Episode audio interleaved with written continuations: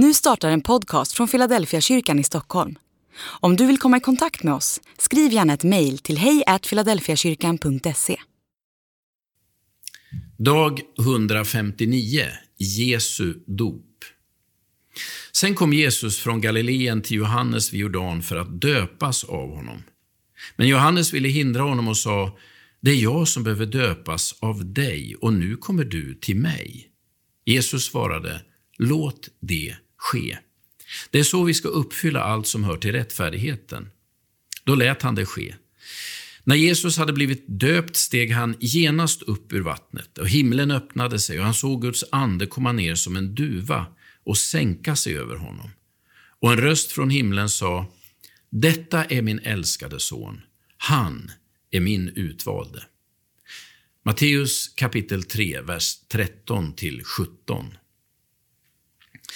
Döda havet ligger enligt uppslagsböckerna 422 meter under havsytan. Det är den lägsta punkten på jordens yta.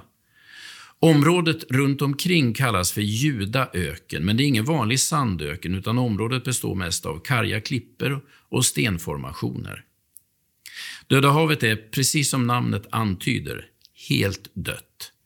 Salthalten i vattnet är drygt 33 procent och det är mycket giftigt. Det var i detta område som Johannes döparen höll till och det var hit Jesus kom för att bli döpt.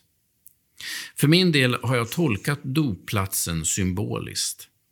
Han befinner sig nära den lägsta punkten på jordens yta och han stiger ner i det leriga vattnet i Jordanfloden och låter Johannes döpa sig.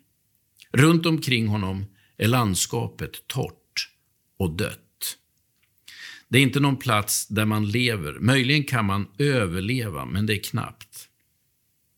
Där invigs Jesus till sin tjänst och där utpekar Gud sin son som han har utvalt. På en plats där inget lever, i olidlig hetta och där otjänligt vatten är allt som finns. Min tolkning är att Jesus når oss när vi är som lägst och sämst. När vi upplever att våra liv blivit en steril stenöken och det enda vatten vi har att tillgå är lortigt, då är Jesus där för att röra vid oss. Gud